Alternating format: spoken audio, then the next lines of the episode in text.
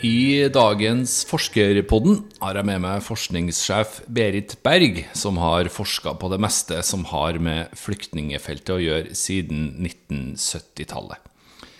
Hvordan kan situasjonen med Abbasi-familien oppstå i Norge, Berit Berg? Oi, det er jo et veldig svært spørsmål. Eh, og, men eh, hvis jeg skal prøve å ta utgangspunkt i noe, så jo, handler jo dette her om politikk. Eh, det handler om internasjonal politikk, og det handler om nasjonal politikk.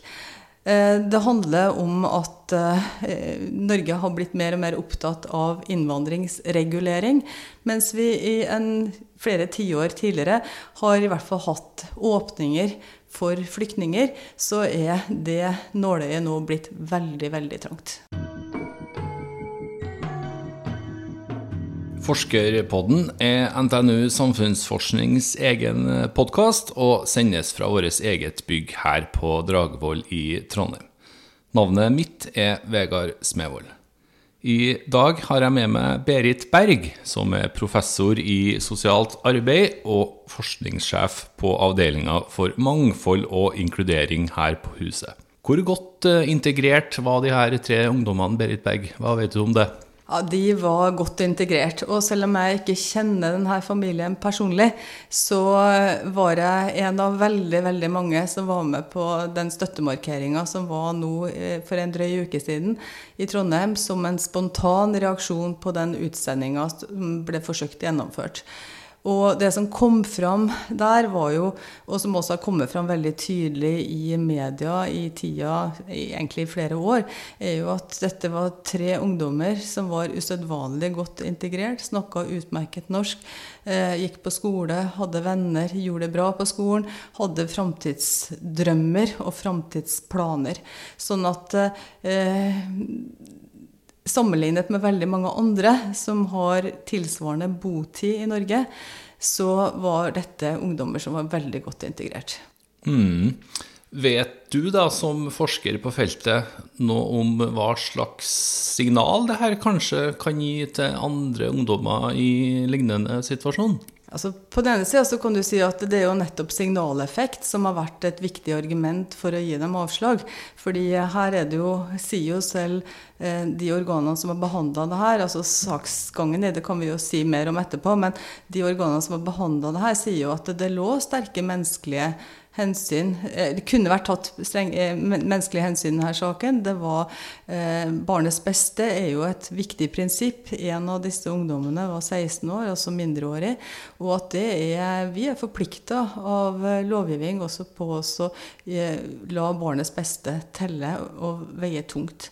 Mens i denne saken da, så var det de innvandringsregulerende hensynene som, som da ble mest vektlagt så tror jeg veldig at uh, man overdriver det argumentet. For jeg tror ikke at uh, vi, vi, har ikke noen dokumentasjon på at svingninger i asylankomster i første rekke handler om signaler som blir sendt. Det handler om hvor, hvor åpne eller hvor stengte grensene er i første rekke. Mm. Så at én enkeltsak hvor man da velger å ta hensyn til det man har sagt man skal ta hensyn til, nemlig barnets beste og eh, den, det humanitære, eh, det hadde høyst sannsynlig ikke hatt noen effekt på, på, hvor mange som kommer til Norge. Så om vi gir dem eh, opphold, så vil ikke det føre til en eh, flom av eh, det har aldri vært sånn. Det har aldri vært sånn at eh, enkeltsaker hvor man har gitt eh, opphold, har vist seg så direkte i statistikken. Det er helt andre mekanismer. Sånn at da det i 2015 kom 5297 enslige mindreårige, snaut 33 000 eh, flyktninger totalt til Norge, og det kom tilsvarende og vesentlig høyere tall til f.eks. Sverige og Danmark, så var jo det en del av eh, grensepolitikk og en del av altså det som skjedde i Middelhavet når, når, det ble lagt opp fluktruter med transporter som ble organisert. Det var jo det som skapte de store tallene, ikke hva vi gjorde i enkeltsaker i hvert enkelt land. Mm. Men det er en tanke som har slått meg, da, eh, sånn i motsatt ende. Eh, hva tenker en ungdom eh, i samme situasjon om det å integrere seg? da? Eh, hva er vitsen med å integrere, integrere seg på best mulig måte når det likevel kan ende på den måten der. Hva tenker du om det? Jeg tror at eh, det som holder de fleste ungdommers håp, eller flyktningers håp oppe hvis du har en begrensa oppholdstillatelse, det er jo at eh, du, du, Det er håp om at det faktisk skal gå bra. Så at det er på en måte drivkraften. Eh, jeg tror at Jeg har intervjuet og snakka med og møtt ungdommer og voksne som har hatt vært fått avslag, som har hatt klager som er blitt avslått, og som likevel greier å opprettholde et håp. Og Det er jo interessant i den sammenhengen å se at flere av de sakene som da er, har fått endelig avslag, og også i, i rettsinstanser, eh, de er jo blitt omgjort etter at man har eh, Norsk organisasjon for asylsøkere, NOA, som også har en stor advokatstab som de kan bruke i sånne saker, har, eh, har eh, bidratt til å kunne gjenåpne disse sakene, og har sett at det har vært store svakheter i saksbehandlingen. Det er ting som ikke er kommet fram. Sånn at jeg tror det håpet om at det skal lykkes til slutt, det er det som holder både ungdommer og voksne oppe. Mm. Ungdommer i lignende situasjon forteller til deg om et sånt håp? ord. Ja. Det gjør de, mm. absolutt. Jeg har jo snakka med ungdommer som har eh, begrensa oppholdstillatelse fram til de er 18 år. Da snakker vi om enslige mindreårige. I denne familien så er det jo en mor med barn. Mm. Men, mm. men, det er klart det er mange generelle mekanismer i dette her. Eh, og jeg, det, som, altså det som imponerer meg, og som kanskje overrasker meg, er jo hvor mye håp de greier å ha. Og så går dette selvfølgelig i bølger. Eh, hvis du bor på et omsorgssenter eller et asylmottak og du opplever at kameraten din blir, blir henta om natta, så det er klart at det påvirker deg. Men det er jo nettopp det håpet som, som gjør at veldig mange faktisk greier å ha en eh, Greier å gå på skolen, greier å stå opp om morgenen. Også, men kommer det mye trøkk og mange eksempler på at eh, det skjer uttransporteringer med tvang, så det er klart at det påvirker deg. Eh, Yashin på 22, Taibeh på 20 og Eshan på 16 de har også et eh, fjerde søsken som nå har opphold i Norge. Mm. Kan du forklare hvorfor han eldste broren har fått oppholdstillatelse? Eh, og da må jeg ta forbehold om at alle detaljene i selve saken de kjenner jo ikke jeg godt nok. Men han kom alene. Mm, sånn at mm. Eh, han har hatt en sak som er blitt behandlet, og han er blitt behandlet eh, Altså alle, all, alt det som var vilkårene for, for eh, at han fikk opphold, er ikke endra underveis. Det som man, norske myndigheter har gjort i den saken med mor og de tre barna, eh, det er jo at eh, de blir, det blir påstått at det er gitt uriktige opplysninger, så de har fått tilbakekallelse av den oppholdstillatelsen som de opprinnelig hadde fått. Mm. De kom i 2012, og så ble det tilbakekalt i 2014 fordi det dukket opp en far. Eh, nå tror jeg vel, i hvert fall for, for media og for de fleste av oss, så er det ikke kjent hva som er rundt den faren. Men det vi vet, er at uh, faren ikke var med familien da de kom til Norge. Så dukket han opp, og nå er han forsvunnet igjen. Uh, vi kan uh, ane at det har skjedd ting underveis som kanskje handler om at dette er en far som ikke har tatt ansvar for familien. En mor som da prøver å redde seg sjøl og barna, kommer til Norge der det allerede er en eldre, eldre bror. Eh, og det å bruke det mot familien, at en far da dukker opp for så igjen å forsvinne, det virker helt urimelig. Og det er veldig uvanlig at man tilbakekaller på sånt grunnlag, men det har blitt mer og mer vanlig de siste par årene, hvor man har hatt en gjennomgang av en del sånne type saker. Men det å slutte at en situasjon endrer seg, og si at det da betyr at du har gitt uriktige opplysninger, det er etter mine begreper veldig, veldig urimelig. Mm. Hva med familiegjenforening, da? Er det en regel han eldste broren kunne benytta seg av for å få resten av familien her, eller? Fungerer ikke så enkelt. Nei, det, familiegjenforening fungerer ikke enkelt i utgangspunktet. eh, og der er det, er det, jo regler Det er både noen frister som da gjelder hvis du skal søke det som flyktning, og det er et krav om inntekt hvis du har hvis du har bodd lenger i Norge, så er det et krav om at du har minst en inntekt på 250 000, som eh, da er måtte, inngangsbilletten for å kunne søke om familiegjenforening. Sånn at verken dette, altså dette flyktninge, flyktningeveien til familiegjenforening, den er den er lukka fordi de har vært for lenge her. Og den, eh, det andre sporet det er heller ikke mulig, fordi at de har gått på skole, har jo ikke inntekt. Og uansett så tror jeg nok at det å i ettertid gjøre om en sak og kalle det en familiegjenforeningssak, det er nok vanskelig. Men eh, jeg tror at hele utgangspunktet Vi bør ikke gjøre det vanskeligere enn det er her. Eh, det er jo allerede sagt så mye rundt den vurderinga som lå til grunn for at det til slutt fikk avslag. Det var helt klare, sterke menneskelige hensyn i saken, men man mente at innvandringsregulerende hensyn eh, veide tyngre. Mm, og mm. innvandringsregulerende hensyn handler jo aldri om denne enkeltsaken. Det handler om det generelle. altså De har blitt ramma av at vi er redd for at det skal komme en strøm, og det fins ikke dokumentasjon på at det kommer en strøm fordi om én familie får opphold. Mm. Eh, tingretten mente jo at eh, de menneskelige hensynene måtte gå foran her. Mens mm. da eh, saken ble anka til lagmannsretten, så fikk UNE, altså Utlendingsnemnda, medhold mm. om at de innvandringsregulerende hensynene mm. måtte veie tyngre. Mm. Kan du forklare hva innvandringsregulerende hensyn er?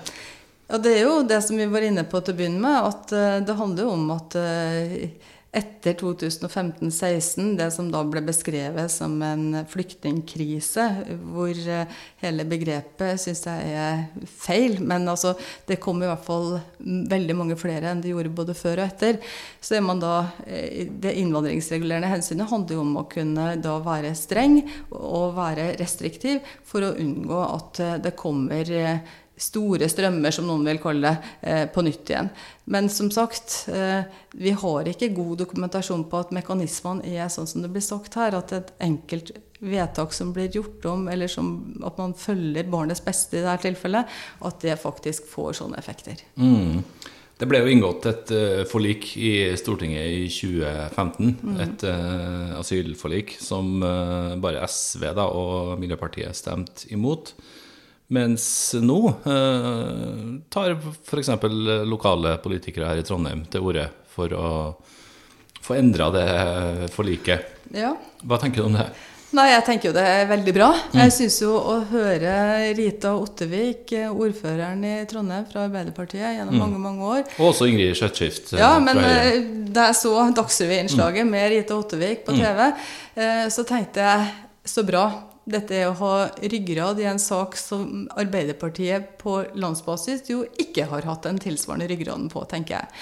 Og at eh, det at man da i formannskapet får med seg alle partier unntatt Fremskrittspartiet på en, en, en uttalelse som mm. er veldig tydelig på at det må skje noen ting. Vi kan ikke ha en sånn type praksis. Nærmest et lite opprop? Ja, det er faktisk det.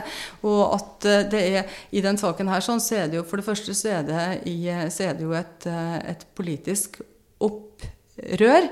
Det er et eh, Domprosten er på banen, fastlegen til familien er på banen. Eh, her er eh, en av de en av de som er frontfigurer på Rosenborg, eh, Reginiussen, står på Skype fordi de spilte kamp den dagen det var støttedemonstrasjon i Trondheim. Mm. Så står han og er krystallklar på hvordan denne familien Ikke bare på hans kjennskap til familien, for her er det jo en av guttene som har sparka fotball, kanskje flere. Og har vært, de har vært en del av det integreringsprosjektet som denne familien har vært en del av. Men, men han er jo også veldig tydelig på det politiske i denne saken. Så det er bredt, altså. Mm. Engasjementet her er kjempebredt. Vi er egentlig enige alle sammen om at uh, det her er feil? Ja, nesten alle, sammen, nesten alle sammen. Men det som jeg tror er viktig å se, at vi, den, når vi står og liksom gleder oss over at her er det eh, folk sier vi må sette ned foten, vi kan ikke ha det sånn, så må vi også se de lange linjene. Vi må se det prinsipielle her. For dette her er jo, eh, for å si det litt brutalt, dette er jo villa politikk. Selv om du kan si praktiseringen i enkeltsaker er jo å på en måte bruke regelverket og veie hensyn opp mot hverandre. Og i dette tilfellet så har man veid dem så veldig, veldig brutalt. Men eh, vi må på en måte også være ærlige nok på å si at det, det asylforliket inneholder jo nettopp eh, en mulighet til å gjøre akkurat dette. Så Derfor så er det ikke nok å bare gjøre om en enkeltsak. Vi er nødt til å gjøre noen ting med hele altså Det handler om anstendighet. Det handler om å kunne si at det, det er ikke bare innvandringsregulering som, som, skal gjelde her. Her må vi også se at vi har andre forpliktelser, og vi kan på en måte ikke stå opp og være et rikt velferdssamfunn med lange, gode tradisjoner på flyktningfeltet og være bekjent av det her. Det siste jeg så, var at uh, Afghanistan, som uh, denne familien der uh, utgangspunktet skal sendes tilbake til, nå regnes som verdens farligste land. Mm. Hva vet du om det?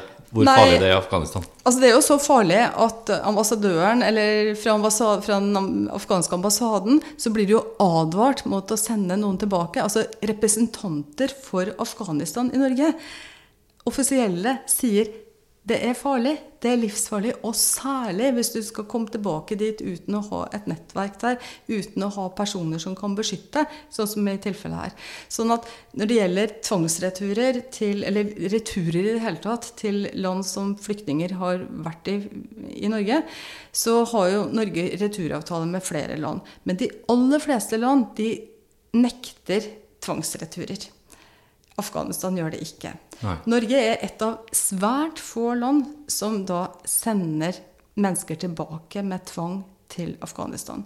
Jeg snakka tidligere i dag med Redd Barna for å høre er det noen i det hele tatt. Og så mm, sier de at de har også i sin uttalelse som, som, som, som, ligger på nett, som de har også fått en, altså masse underskrifter på, så, så sier de også eh, at det er et av få land, eh, fordi de ikke var helt sikre, for å ikke ta munnen for full. Men altså, saken er det at det, vi er unntaket Land vi ellers sammenligner oss med, sender ikke flyktninger tilbake til Afghanistan. Mm. Vårt naturligste land å sammenligne oss med, med er jo Sverige. Hvordan ja, ja, de gjør jo ikke det. Altså, det, det, da skal ikke jeg Det kan godt hende at det har skjedd noen saker som sikkert kan diskuteres, men ja. altså, i prinsippet her så mm. gjør vi ikke det. Og det er jo det som er så, så paradoksalt her, at et land med som opplever seg selv og beskriver seg selv, og så blir opplevd som et land som er, eh, tar menneskelige hensyn, som er opptatt av barnets beste, som er opptatt av å ta vare på, på eh, altså Også legge vekt på det å ha tilknytning til Norge. Sju år i Norge, sånn som denne lille familien har vært. vil ville, hvis jeg går tilbake 10 år, 15 år, 20 år, så ville det ikke vært spørsmål om. Nei, eh, det, så det, det, er klart at her er det noen brudd i måten norske myndigheter håndterer sånne saker på. Mm. Det opprøret her, da, som uh, ombefatter både uh, folk i gata, Rosenborg, midtstoppere og politikere.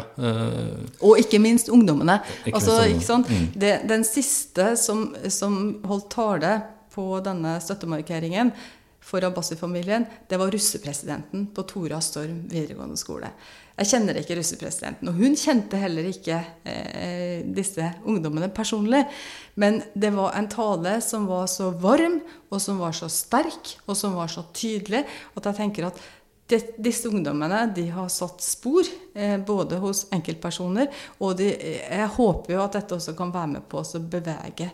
Og det som jeg er opptatt av som forsker i dette, her, er jo at det, det, brukes argumenter som vi ikke har dokumentasjon på. Altså at det å gi denne familien skulle bety at vi får en storm av innvandrere til Norge som vil prøve sakene sine om igjen og om igjen. Det er ikke det det handler om. Vi har ikke den typen eh, erfaring. Vi har ikke den typen dokumentasjon.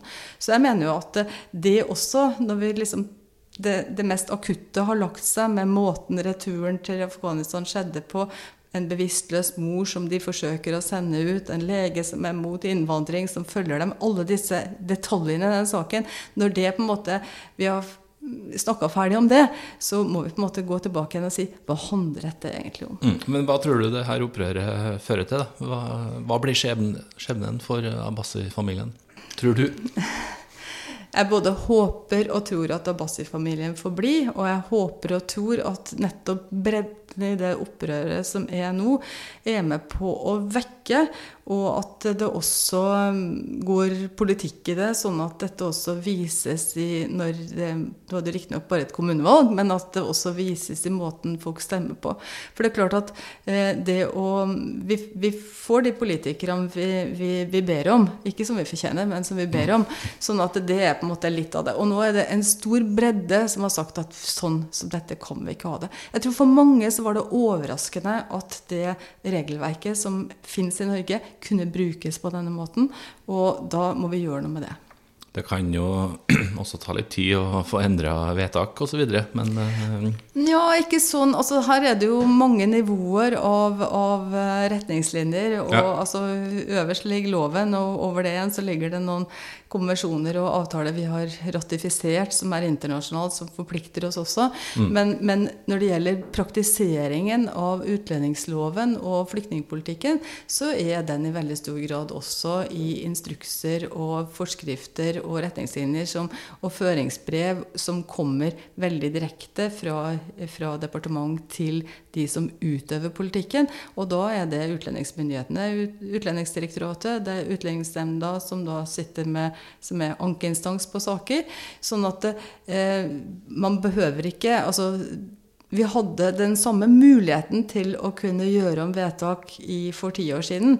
Eh, men det er jo den strenge praktiseringa som skjer nå, den kommer fordi man har sender ut noen signaler fra den regjeringa vi har for tida. Ja, skjønner. Takk til Berit Berg. Du har eh, hørt på Forskerpodden som lages av NTNU Samfunnsforskning. Navnet mitt er Vegard Smevold, og vi høres neste gang.